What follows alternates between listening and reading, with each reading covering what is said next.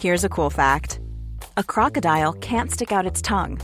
Another cool fact you can get short term health insurance for a month or just under a year in some states.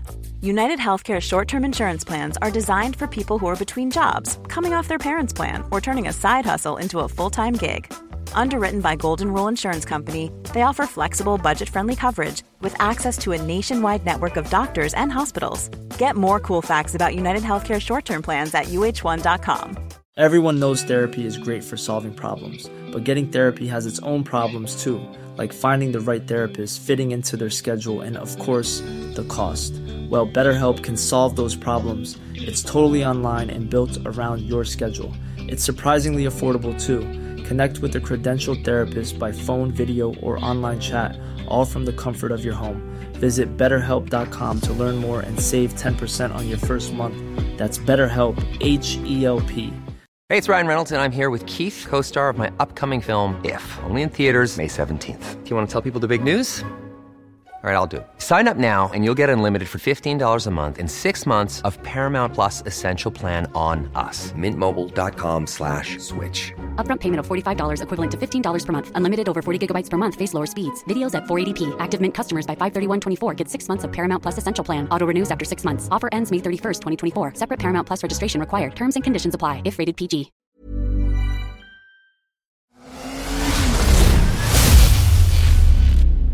MC-podden. Du lyssnar på MC-podden. Jag heter Johan Ahlberg. Och jag heter Mikael Samuelsson.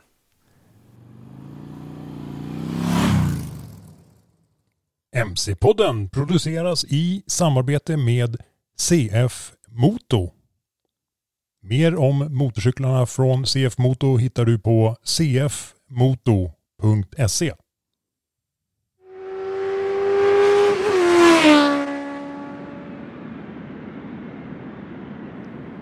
Då så.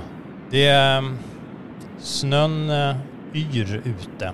Ja, vilket väder det blev. Ja, helt galet. Eh, jag vet inte, det är några dagar innan eh, vårt avsnitt som vi skulle släppa då den här fredagen det här kommer ut.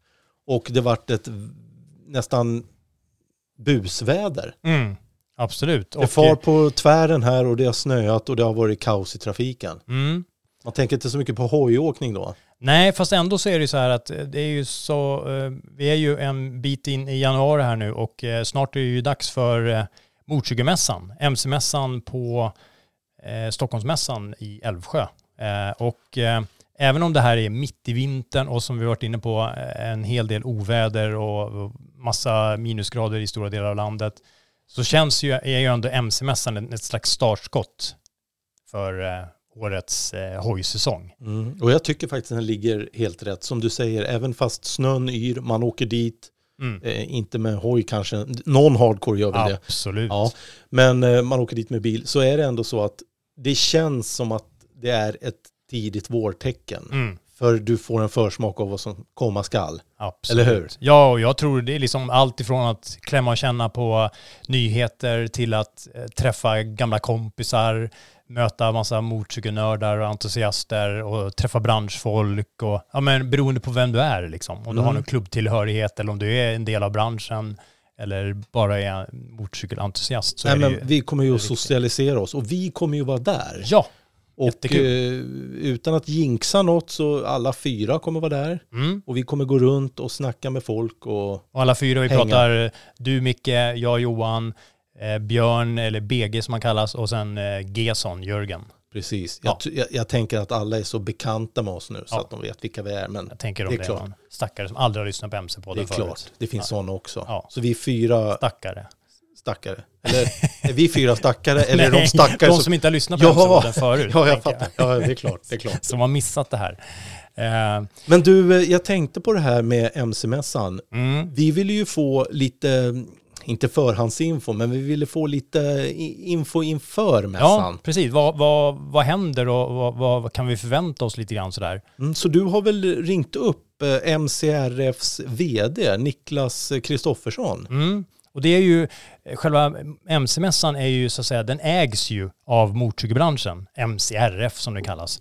Eh, Så att precis som, och det är ju MCRF också som brukar arrangera de här Start to Ride som har blivit så populärt som har arrangerats eh, på Gillingebanan eh, utanför Stockholm och eh, Stora Holm utanför Göteborg ett antal år här nu. Och vi själva var ju där också. Så det är ju samma organisation som står bakom. Och ja, så jag fick ju mitt snack med Niklas. Så... Ja, men då, då lyssnar vi på vad han har att säga. Ja. Niklas, mm. välkommen. Hur, hur går allting? Alla förberedelser och det är bråda dagar förstår jag.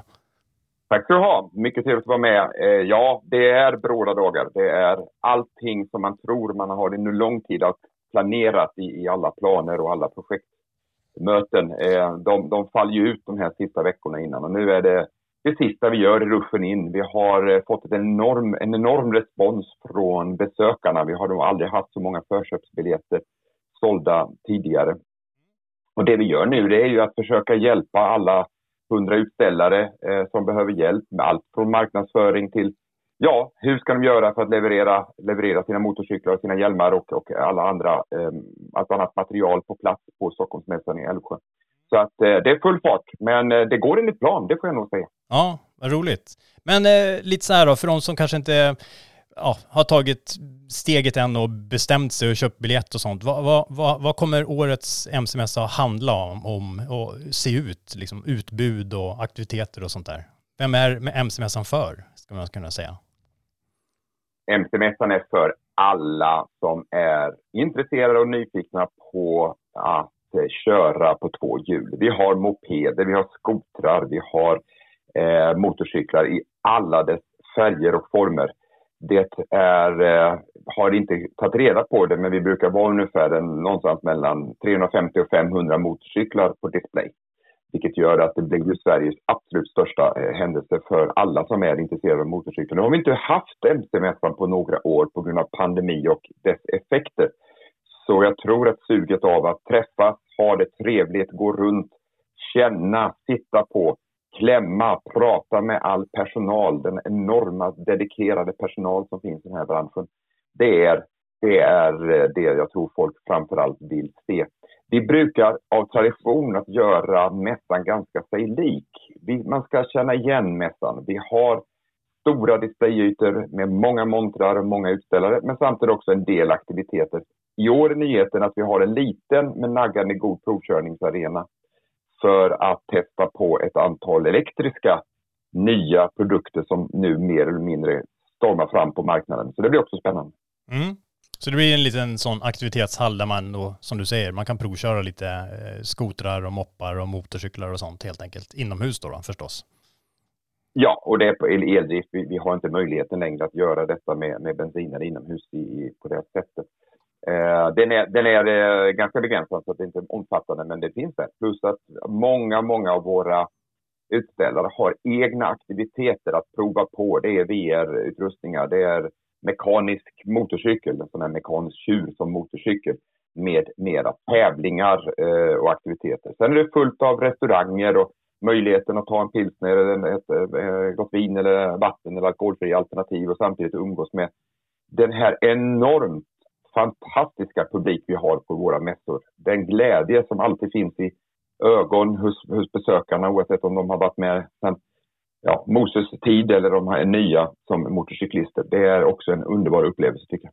Och när jag, jag tjuvkikar lite på utställarlistan och sådär, jag ser ju att det, det kommer, om jag fattar det rätt nu så pratar vi ju allt från eh, utställare i form av eh, motorcykel, så att säga, tillverkare, olika, ja, till eh, klubbar och organisationer och sånt. Men hur ser det ut med försäljning och sånt? Kommer man kunna som besökare köpa saker förutom då mat och dryck och sånt på plats? Typ utrustning och rent av hojar kanske, vad vet jag? Ja, vi har, vi har ett antal väldigt stora eh, ut, alltså, um, utställare som, som, som eh, specialiserar sig på eh, eh även prylar, säkerhetsutrustning eh, och, och tillbehör. Eh, vi har eh, flera stycken som, som är återförsäljare, är mc-handlare och de tar med sig väldigt mycket material där man kan göra ett klipp och, och framförallt att botanisera bland både nyheter och de, de eh, saker som har varit under säsong. Eh, så att det, det kommer finnas massor av möjligheter att, att köpa på sig och ta med sig hem naturligtvis. Eh, när det gäller motorcyklar så, så är det så här att det är svårt att rulla ut motorcykeln på, på en mässa. Men vi har enormt många handlare med på plats. Så att förboka och, och köpa och starta affären på mässan, det är det många som gör för att se till att man får verkligen den hoj man vill när väl säsongen drar igång.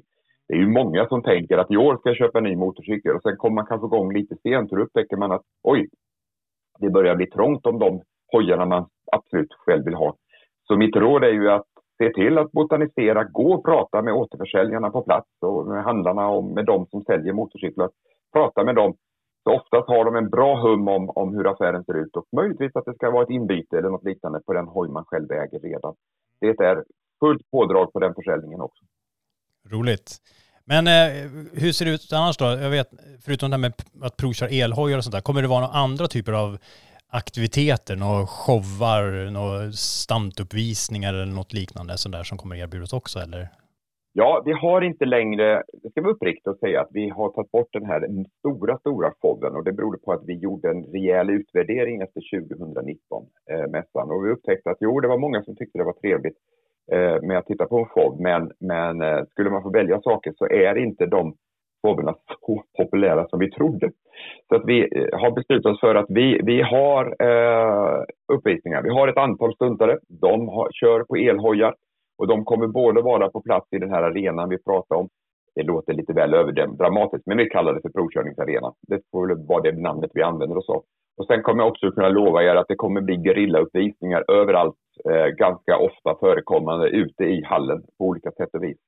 Eh, så att eh, den här tjänsten, folk nästan trollkarlar på två hjul, den kommer man få även här. Ja, spännande. Eh, vi kommer ha en mycket spännande scen eh, framträdande. Eh, varje halvtimme så startar ett 20 minuters pass eh, där både vad heter det, utställare kommer med sina, eh, berättar om sina produkter men också att ett antal kända profiler kommer och berättar om sina resor runt om i världen.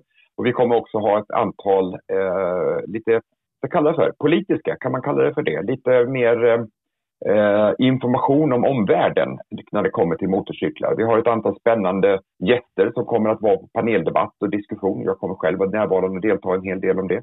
Vi kommer också presentera starten av mc-branschens stora satsning på eh, att få fler att köra på två hjul. Eh, den kampanjen kan man säga startar på mässan med en, en quiz vi kommer jobba med och lite annat. Men också att vi nu eh, har övergått till att försöka påverka våra kära förtroendevalda politiker och tjänstemän i regering och riksdag om att till exempel vårt främsta mål är att så snart som möjligt se till att man kanske kan köra på en 125 med hjälp av B-körkortet eh, istället för att behöva gå hela A-utbildningen.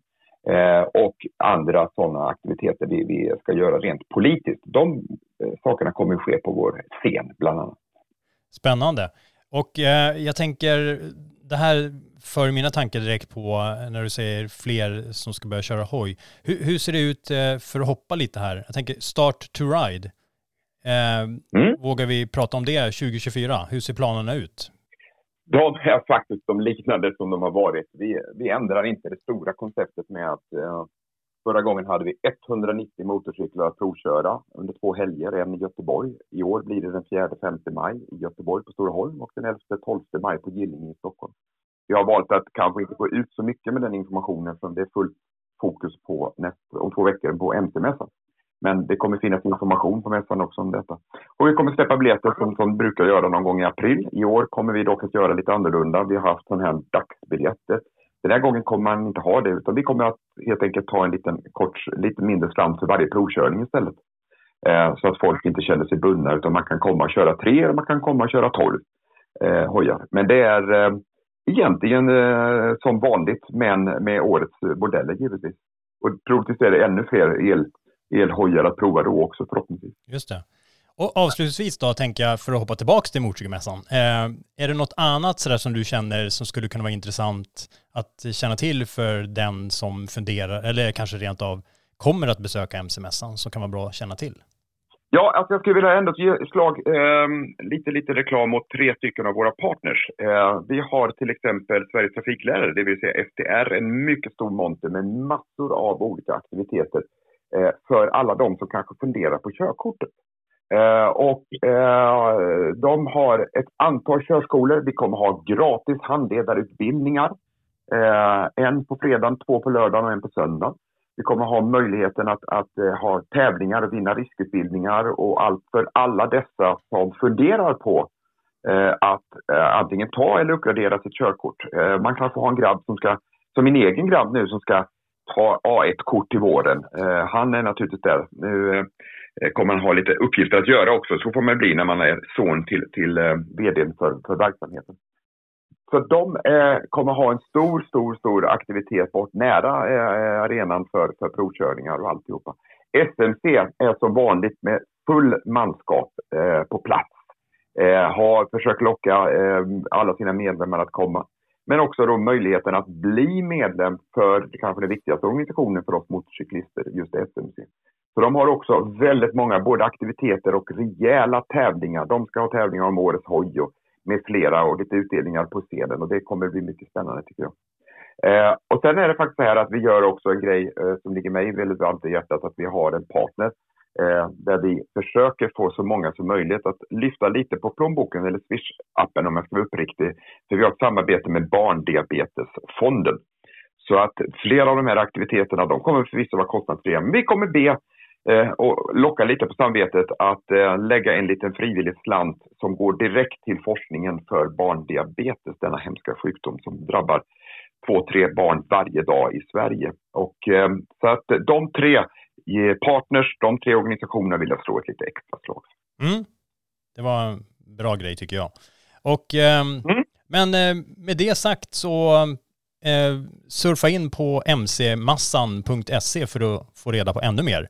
Och eh, så eh, vi ses på MC-mässan helt enkelt 26 eh, till 28 januari och MC-podden och Fastbikes kommer vara där och kolla läget och prata med folk och ja, tack Niklas och lycka till med fortsatta arbetet med att göra MC-mässan redo.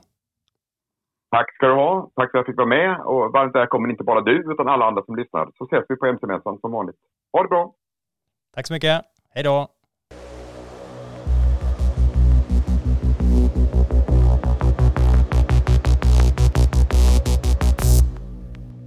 Ja, Johan, där hörde vi Niklas om MC-mässan. Mm.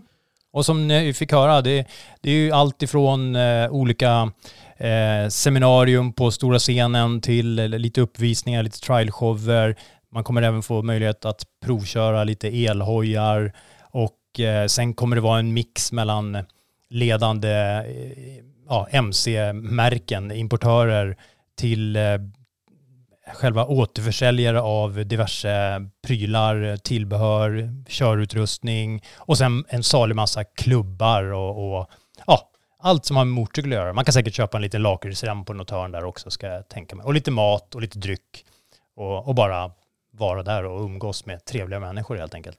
Och för att förtydliga lite grann så kommer ju vi göra reportage där och vi kommer mm. inte sända live, men vi kommer att podda därifrån. Ja, så ser ni några lustigkurrar som glider omkring med, med hörlurar på sig och en mikrofon i näven så bli inte förvånade över ifall ni får en mick i, i, i plytet höll jag på att säga.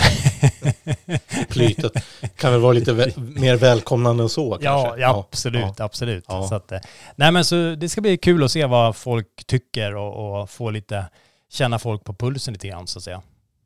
Men innan vi drar iväg till eh, mässan Johan, finns det något annat eh, matnyttigt, kul, nyhetsaktigt?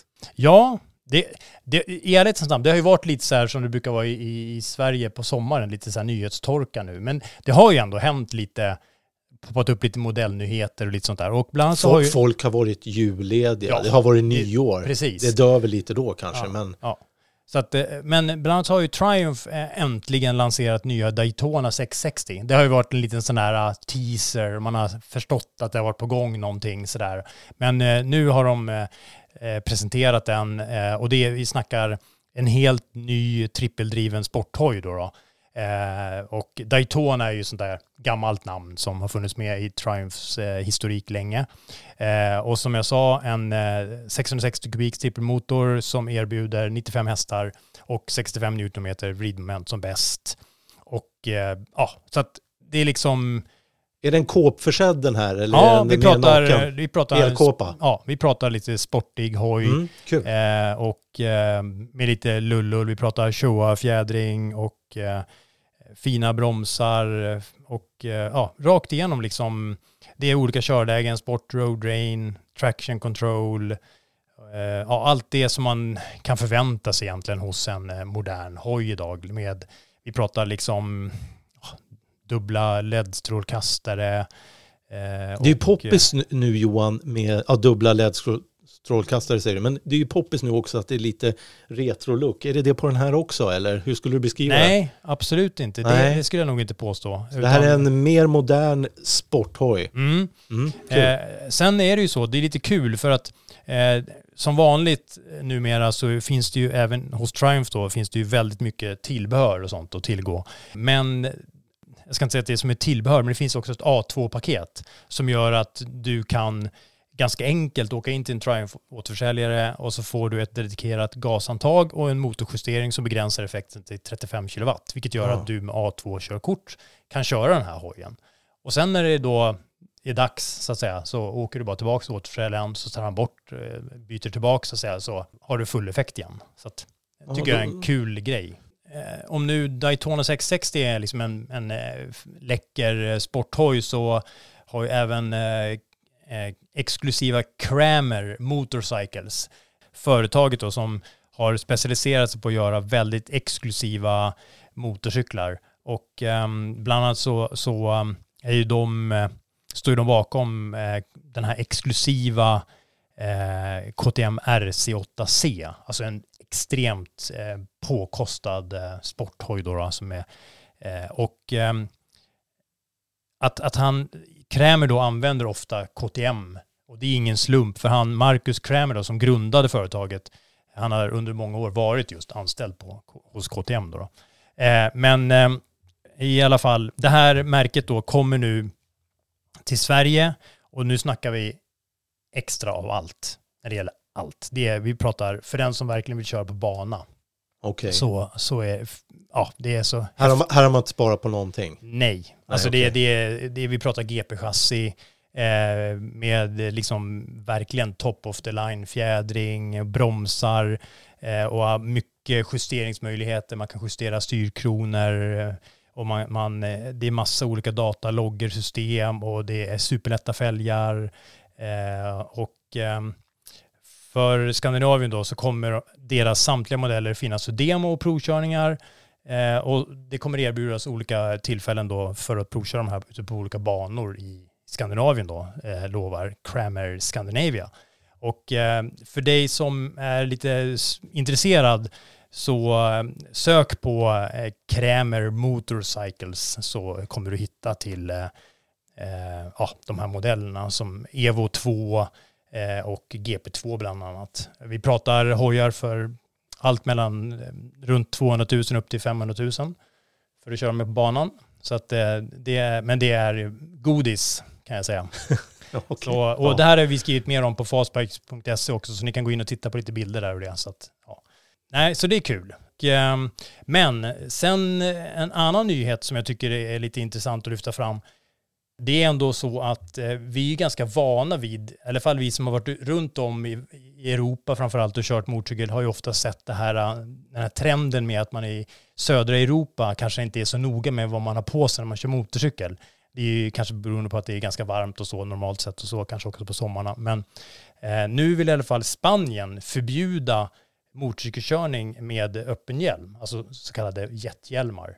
Helt enkelt, man ska helt enkelt ställa krav på att man har integralhjälm eller sån här modul, sån här flip-up Okej. hjälm. Vet man eh, vad grundar det sig på? Vet du det? Eh, de anser väl att det är en bidragande orsak till att... Eh, Mycket tandskador eller nej, ansiktsskador? det är ju faktiskt så här att eh, trenden, eh, medan trenden i Sverige över tid nu på senaste, jag vågar inte gå in på någon statistik här nu, men 10-20 åren har ju ändå varit en vikande trend när det gäller allvarligt skadade och dödade motorcyklister i Sverige.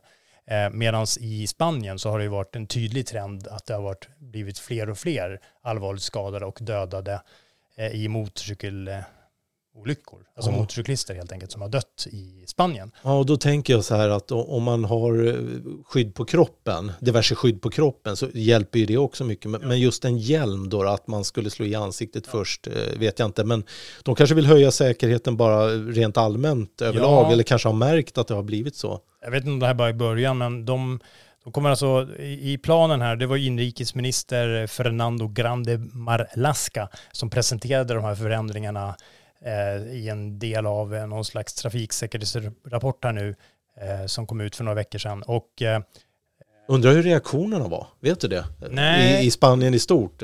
Det har jag inte sett någonting om så. Det har ju skrivits mycket om det bara. Men man vill även också införa att man ska kräva då att man ska använda godkända motorcykelhandskar vid motorcykelkörning. Och eh, en annan grej som är intressant i Spanien är ju att man har ju sedan en tid haft eh, så att när man har, jag tror, utan att lova något, men jag tror att det är en tre, så vitt jag vet i alla fall så är det, när du har haft bilkörkort i tre år så har du varit, eh, haft, har du varit behörig att köra motorcykel upp till 125 kubik Okej. i Spanien. Okej. Eh, men nu så vill man införa någon slags obligatorisk kurs också. Ja, för just tvåhjuligt då. För- ja, ja, för- men som vi har här. Ja. Här får man ingenting per automatik. Nej, precis. Men eh, du kanske inte behöver köra upp eller någonting utan du bara måste Nej, läsa fattar. lite teori för att förstå lite saker som kanske är specifika för hojåkning. Så. Men då måste det gälla också, om du har en öppningsbar hjälm och väljer att fälla upp den och åka då, då är inte det tillåtet. Nej, det skulle man kunna tro. Eh, Så att eh, när Annars det är sådär varmt, konstigt, ja, men när det är sådär varmt så Mm, kanske mm. många vill, väljer att göra det. Ja. Och då går inte det. Så får man svettas i hjälmen istället. Sättas man ihjäl istället. inte i hjälmen, Nej. i hjälmen så. Ja. Sen eh, vet jag ju att eh, Husqvarna har någonting på gång också. Mhm. Och vad är det då Johan? Och, Ja. det, och det innefattar ju oss också på sikt. Ja, Berätta. jag, jag har ju förstått att det har varit någonting i görningen, men jag har inte riktigt vetat vad om jag ska vara helt ärlig. Eh, Jag har ju fått indikationer. Jag, jag är inbjuden att åka ner för att provköra nya vitpilen och svartpilen från Husqvarna lite längre fram här om några veckor. Och ehm, det föranledde ju att jag misstänkte att det kanske var någonting nytt på gång. Och nu har man publicerat nyheten att eh, det blir nya vit och svartpilen här nu. Och det betyder helt enkelt eh, vitpilen 401, vitpilen 125 och svartpilen 401 och svartpilen 125 som eh, samtliga har fått, vad man säger då, nya motorer, nytt chassi och ett antal nya tekniska nyheter och eh, lite ny styling. Och det här är ju hojar för er som inte vet som är liksom ganska avklädda där eh, vitpilen är lite mera så här eh, stilren, eh, lite mer lägre sitthöjd och liksom medan eh, svartpilen ska jag säga lite mer Mad Max, lite cool, robust, lite grövre däck. Och, och man kan väl säga så här också Johan, för våra äldre lyssnare och sådana som, eh, Mm. bland annat Kenneth vi pratade med, som köpte en guldpilen. Precis. Så handlar det inte om sådana hojar direkt. Nej. Och vi har ju den klassiska silverpilen också, som Mm. säkert många känner igen. Precis. Men Nej, det, här, som- det här är ju moderna Husqvarna-maskiner. Ja, Jag har ju också kört svartpilen vid något tillfälle. Det, Mm. ja, det, de är väldigt speciella. ja, lättkörda, roliga. Ja, ja, ja. Och vi, vi snackar ju, det, det låter ju litet liksom, 125 och 401, men det, jag ska säga så här att eh, jag har själv ägt en svartbil, en 401, Ja. och eh, eh, går väldigt bra och eh, mycket hoj för pengarna och mycket körglädje i det lilla formatet. Eh, de finns ju även som 701, men eh, hur som helst, nu är det frågan om 125 och eh, 401 Finns även som 250 men kommer inte till Sverige i nuläget. Eh, men de har i alla fall fått ny eh, fackverksram i stål eh, och vi pratar VP-fjädring och ja, hela grejen där är ju att ehm, ja, så det, det är mycket så här alltså den här lilla motorn då till 401 är ju på 399 kubik. Vi snackar 45 hästar och medans ehm, 125 då är ju en 125 kubikare med 15 hästar. Eh, så, så, men oavsett vilken du väljer av de här så är det ju snack, vi snackar små, smäckra, smidiga hojar. Nakna maskinen, brett styre. Du sitter liksom ganska rakt upp och ner och kör. Men där vitpilen är lite mer framåtlutad, lite mer sportig liksom. Eh, Körställning kan man säga. Medan eh, svartpilen är lite mer rakt upp och ner. Tänk lite offroad-hoj sådär, fast i, i hur du sitter och kör så att säga. Men de är ju väldigt speciella eh, för Mm. sig så att säga. Ja, absolut. Så att... Eh, Kul, men vad, vad innebär det här för oss då? Jag, Jo. jag började ju med det och säga, vad, Precis. hur påverkas vi av, av det här? Eh, jo, men jag ska ju ner då eh, om några veckor till eh, södra Spanien eh, och köra, provköra de här utanför Malaga där på lite härliga vägar. Ja, ska du köra 125 och, och 401. Okej. Ja, så det blir eh, vit och svartpilen, 401 och 125. Så vitt jag vet. Kul. Så mer än så vet jag inte. Nej, Eh, den som lever får se. Ja. Vi återkommer i ett senare eh, poddavsnitt Ja. med en liten recap på hur du tyckte och kände och sådär. Mm. Men eh, Micke, du, eh, du har ju något på gång också. Ja, eh, jag blev jätteglad. Jag åker ju faktiskt eh, sista dagen i januari Mm. ner till, ja, Alldeles strax efter mässan helt enkelt. Precis, Mm. ner till eh, Spanien också. Vi Mm. flänger hit och dit Ja. när det gäller det. Ja. Och nu är det Kawasaki då, Ja. Eliminator, Mm. eller Eliminator som Just man kanske det. säger. Och när jag hörde det så tänkte jag så här, då, då drar jag mig eh, tillbaka i tiden Mm. och tänker när jag var 17-18 sådär. Eh, historiskt sett så Eliminator då eh, var ju liksom en liten dragbike eller liksom en power cruiser på den tiden. Vi hade ZL 900. Jag är tveksam till Johan, men jag tror inte den kom till Sverige. Men jag kan ha fel. Men eh, och 1985 kom den. Och det är ju samma år också som Yamaha VMAX kom. Så det var poppis med sådana här hojar då. Ehm, däremot ZL 1000 kom till Sverige och jag vet att jag dreglar lite över den där hojen för det, det var en riktig så här eh, powerhoj. Eh, den ser fet ut, den är, den är stor, det, det är mycket muskler liksom. Eh, och den fanns ju bara i två år, 1987 och 1988. Mhm. Och sen har det funnits en massa Eliminator-modeller då, då i Mm. olika storlekar. Ja. Men nu gör en comeback liksom. Och Ja. den här hojen vi, vi ska köra är ju inte, ingen större maskin på det sättet. Men det är ju en eh, 451 kubikare. Mm. Eh, och den ser jäkligt eh, power cruiser ut ändå, liksom ett fett bakdäck och sådär och, och, och svart och eh, finns säkert andra färger. Men den ser riktigt eh, ball ut. Så det Mm. ska bli jättekul att åka ner och prova den, tycker jag. Mm. Eh, jag, jag, jag, när jag tittar på bilderna så är det ju väldigt så här låg svepande form. Liksom. Den är väldigt platt kan vi kalla det. Liksom, så här. Exakt, så den har ju det här eh, Eliminator-DNA i Mm, sig. mm. Det har de säkerligen tänkt på. Mm. Så det blir ju jättehäftigt. Varför tänker jag på Terminator? Jag, tänk, jag ser framför mig Aron Schwarzenegger drar fram med den där lite bad guy sådär. Ja, eh, han åkte ju inte på en sån. Nej, jag han, vet. han hade ju en HD eller vad det var när han hoppade i T2. Men du tycker att Eliminator, det rimmar på Ja, Terminator? men jag, det kanske är så, men jag, Ja. tänker, jag ser honom framför mig på den här, på fast han kanske skulle bli ganska stor på den här hojen, jag vet inte. Men det här är en Ninja-baserad bränsleinsprutad parallelltvinsmotor då. Eh, Mm. 45 hästar, 9000 varv, 43 newtonmeter, 6000 varv. Ja, så ni får lite fakta i alla fall inför det här. Och Mm. eh, sex växlar, 13 liters tank. De här Eliminator från förr, de var kända för att ha ganska liten tank. Det skulle Mm. vara lätt, det skulle gå fruktansvärt snabbt rakt fram. Ja. Men jag tycker att modellen ser väldigt intressant ut och de jag har pratat med säger att den, de tycker den ser ball ut. Mm. Så jag hoppas på en trevlig körning såklart. Gå in och titta på bilder där så får ni se.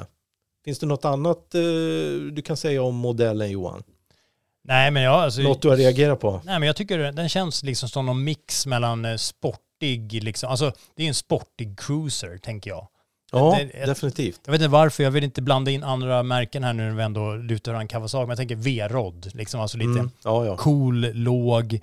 ehm, ja, det, det, det, jag vet inte riktigt. ehm, det ser ju ut som att man, man sitter ju liksom ändå, kanske lite grann som man gör på svartbilen, eh, eller mera sådär, man, man sitter ju inte med fötterna långt, långt fram, utan de är ju mera standard, rakt ner kan vi kalla det.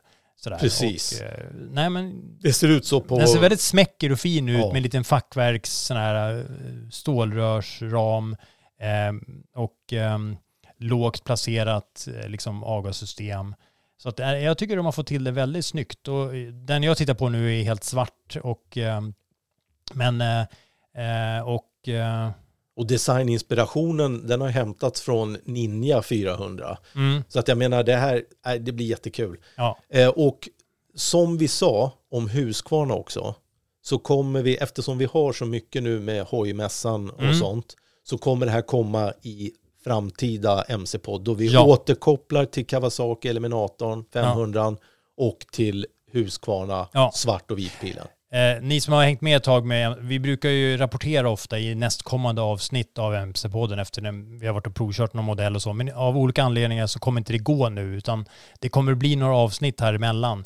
Det här är ju avsnitt MC-podden nummer 31 och vi kanske kommer återkomma till podd 34-35 med lite mera rapporter från de här provkörningarna helt enkelt. Att- Det är mycket nu Johan, men det är roliga saker som händer. Absolut, och mer är på gång.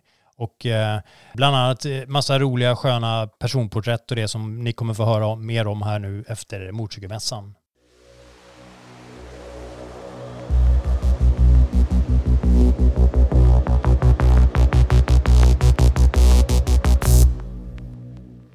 Sen för våra eh, trogna lyssnare kan man väl säga, eller för er som har lyssnat på lite fler avsnitt. I avsnitt 14 så hade vi den unga talangen Valdemar Mellgren med.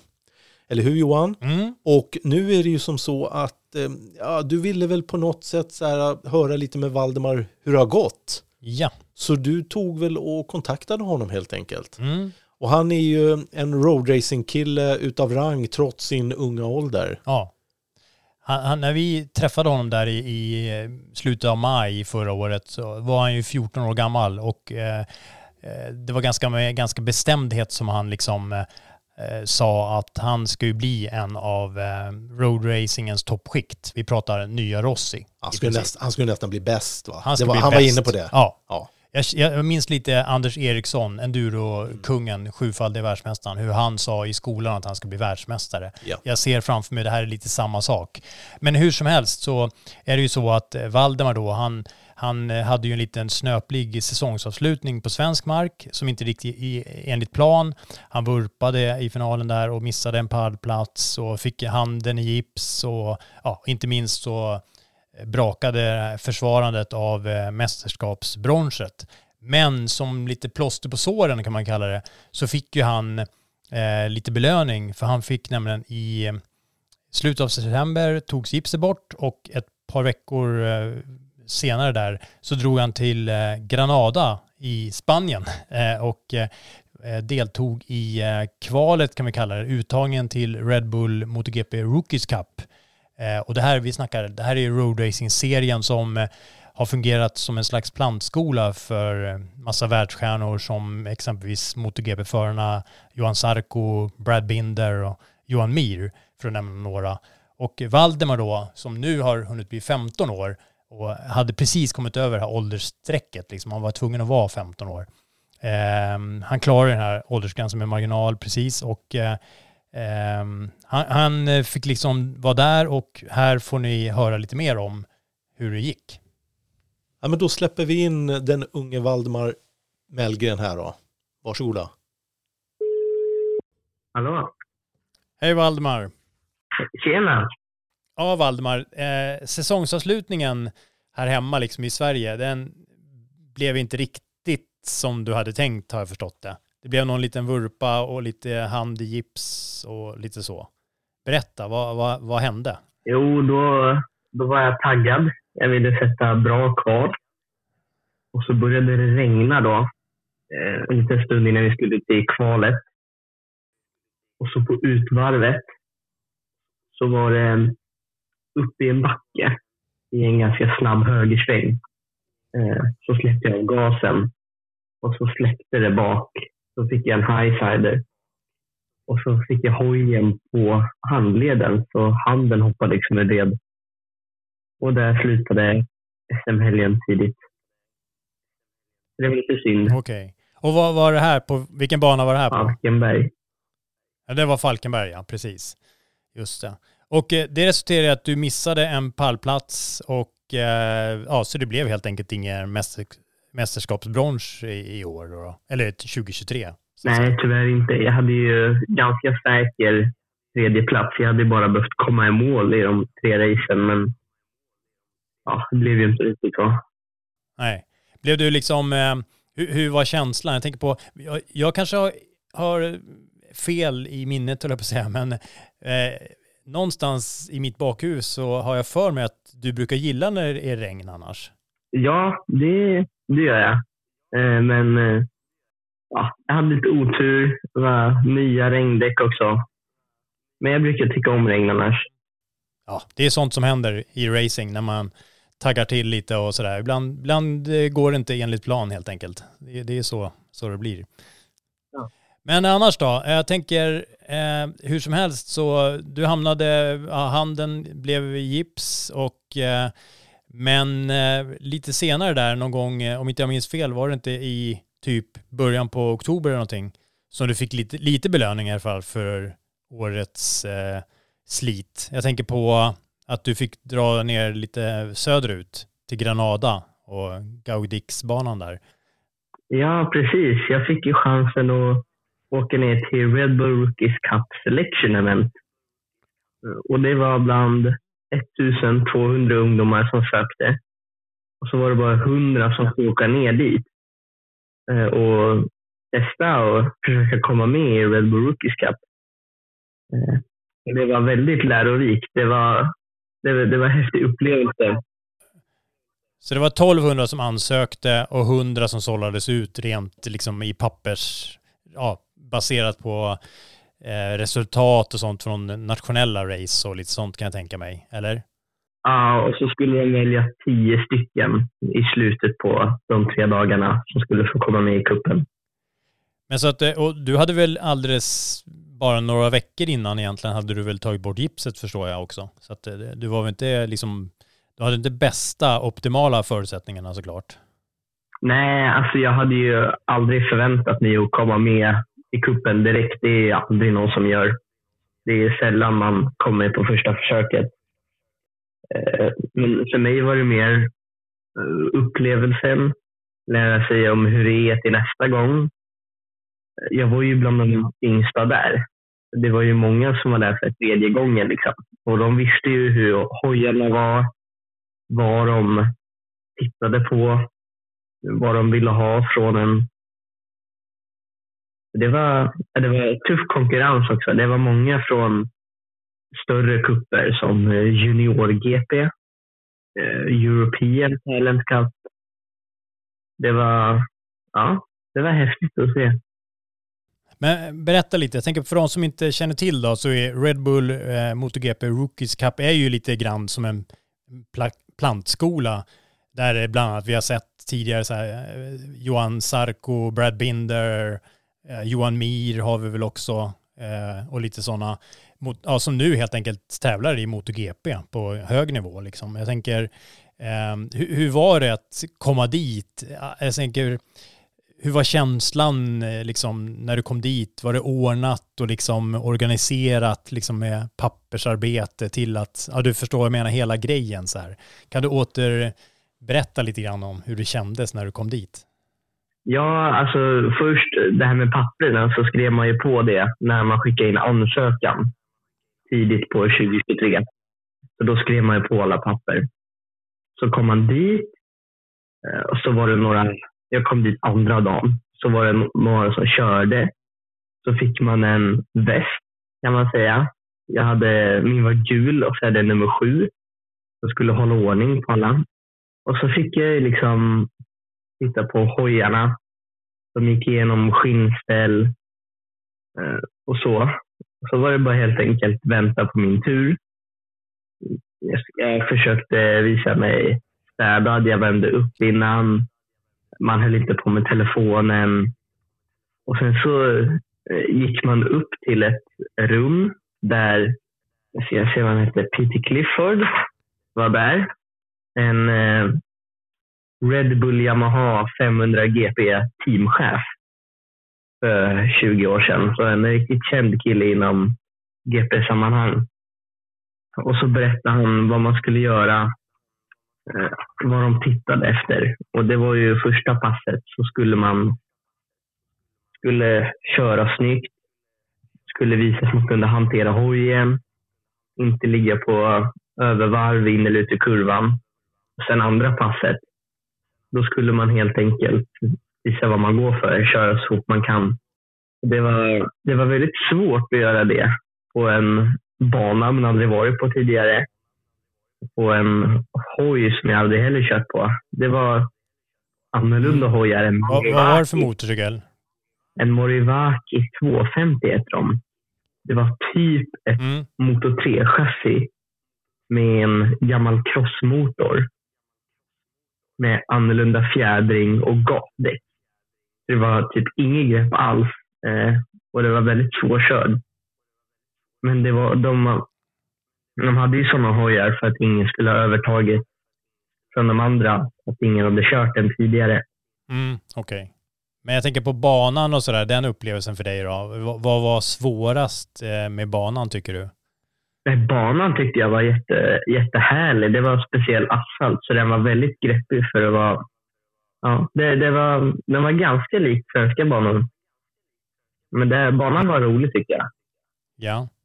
Så det var inte det, var inte det värsta, utan det var, det var själva hojen i sig som du tyckte var lite klurig att komma underfund med.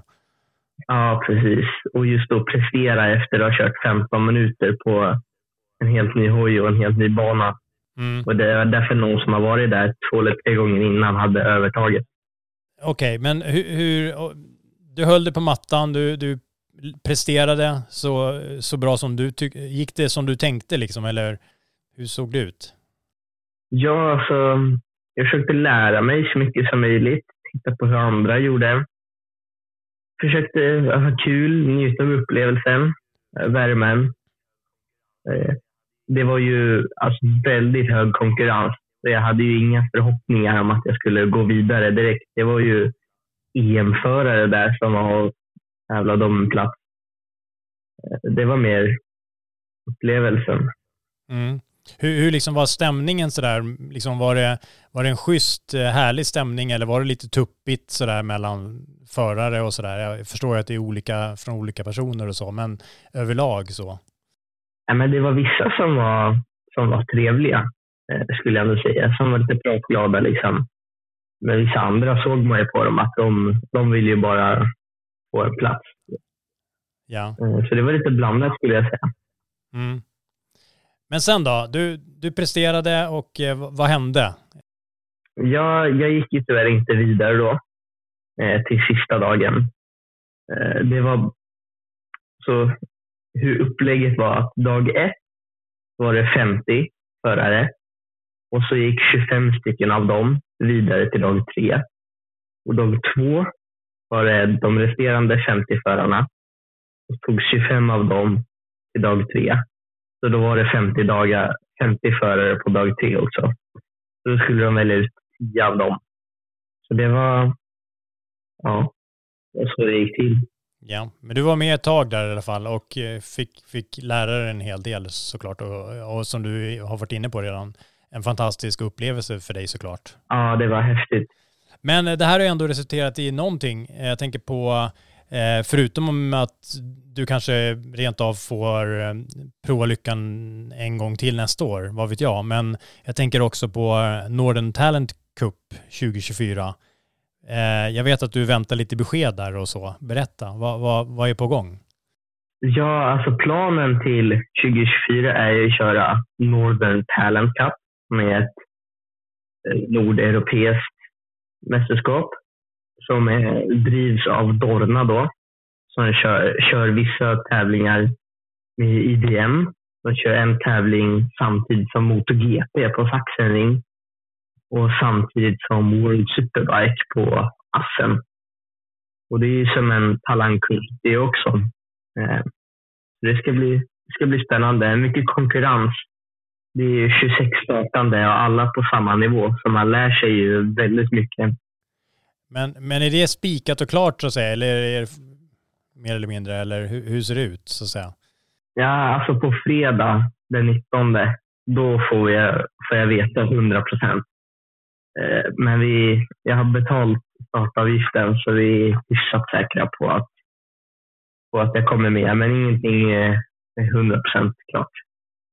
Vi får helt enkelt återkomma om det längre fram här. Men annars då, om, eh, bortsett från eh, Northern Talent Cup, jag förstår att, att det kommer vara en stor, stor liksom mycket fokus på det såklart eh, eh, under 2024. Men, men bortsett från det så här, om, om har du några andra planer vid sidan om det? Om, om eh, ja, det värsta skulle hända att du inte blir någonting överhuvudtaget med den. Eller om, om det eh, finns det något andra, andra race och sånt i planerna, även om det blir det här, så att säga? Ja, alltså jag ska ju träna mycket min GP framför allt. Köra mycket motorcykel helt enkelt. Det gör ju väldigt mycket. Och spendera timmar på hoj. Eh, och så ska jag ju vinterträna i Spanien. Ja. Det hjälper ju också väldigt mycket. Var gör du det någonstans? Uh, jag, har var, jag var, precis efter nyår var jag nere på Cartagena tre dagar.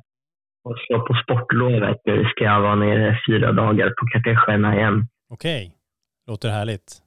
Det var en otroligt rolig bana, måste jag säga.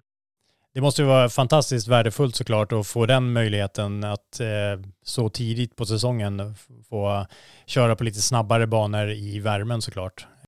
Jag menar att hålla igång känslan liksom som man är, börjar liksom fräscht när säsongen börjar. Det gör väldigt mycket. Det märker jag mot förra året. Eh, man, man börjar ju på en bättre nivå än vad man slutade. Liksom. Det, det är ju mycket tid också där man kan mixa med inställningar på hojen, spårval, man kan jobba på körstil. Jag tror jag körde, hur mycket var det? En och en halv timmes körning varje dag. Ja. Det är väldigt mycket körning. Men äh, jag tänker på, hur, hur ser målet ut för säsongen? För säsongen 2024 så blir det väl att, för mig att placera mig topp 10 i Northern Talent Cup. Det hade varit häftigt. Eh, träna mycket mini-GP. Och sen om det går bra, hade jag gärna velat köra ett race i European Talent Cup. Som är EM då helt enkelt. Är det så att om det går bra i Northern Talent Cup så eh, får man, kvalar man in då, eller man ska kalla det, till den europeiska varianten eller hur ser det ut? Ja, alltså kommer man topp tre alltså trea eller tvåa i Northern Talent Cup, då får man åka till uttagningen i Red Rookies Cup. Eh, och vinner man Northern Talent Cup, eh, då får man en plats i Red Rookies Cup. Men eh, European Talent Cup och Red Rookies Cup är ungefär på samma nivå. Bara att i European Talent Cup kan man ju köra som privatperson det hade varit kul att mäta sig med, med de duktiga spanjorerna och italienarna. Ja, spännande. Ja, men eh, Valdemar, vi får helt enkelt återkomma här eh, i en eh, kommande podd om eh, hur det går med Northern Talent Cup och eh, ja, hela, hela grejen med försäsongsträningen på Cartagena och eh, allt. Och så får jag önska dig lycka till. Ja, tack så jättemycket. Men tack så mycket då, så hörs vi vidare. Tack, ha det bra.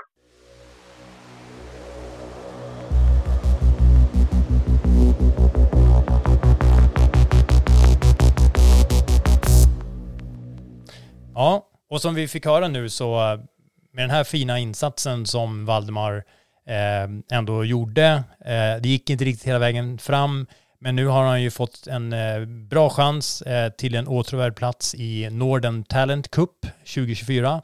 Och eh, besked liksom om det definitiva, precis som Valdemar berättade om, det väntas här nu i dagarna. Så att eh, vi kommer återkomma till det och följa upp eh, hur det går helt enkelt i kommande avsnitt. Kul. Ja, verkligen. Jag tycker det är jättekul. Alltså jag vet att han har ju bland annat varit med och fightats mot eh, våran kära kollega Björn. Det, det, det, är lite kul att en, jag vet inte hur det känns för Björn att fightas mot, vi får fråga Björn, eh, mot en 15-årig eh, kille som ja. kanske rent av kör om han, jag vet inte. Han kan ju nästan vara eh, farf. Nej, nu blir jag... det där, säg inget till Björn. Nej, säg, säg inget till Björn. Nej, Nej. Vi, vi eh, han, han kan vara pappa till Valdemar. Mm. Jag menar inte farfar. Nej. Nej.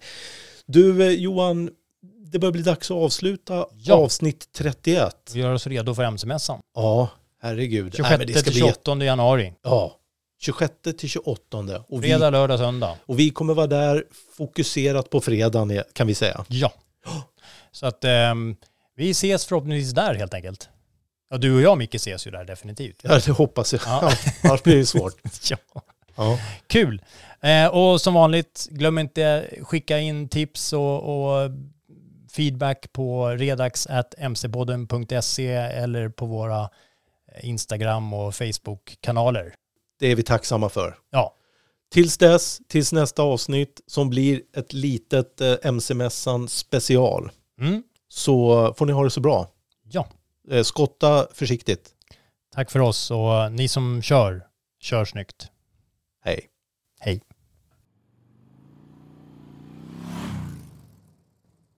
MC-podden produceras i samarbete med CF Moto.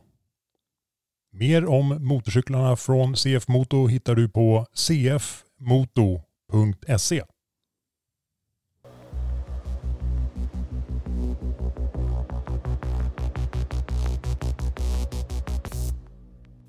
Du har lyssnat på MC-podden. Jag heter Johan Ahlberg. Och jag heter Mikael Samuelsson.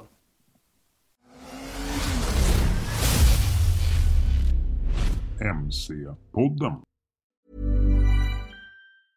Hey, it's Paige DeSorbo from Giggly Squad. High quality fashion without the price tag. Say hello to Quince.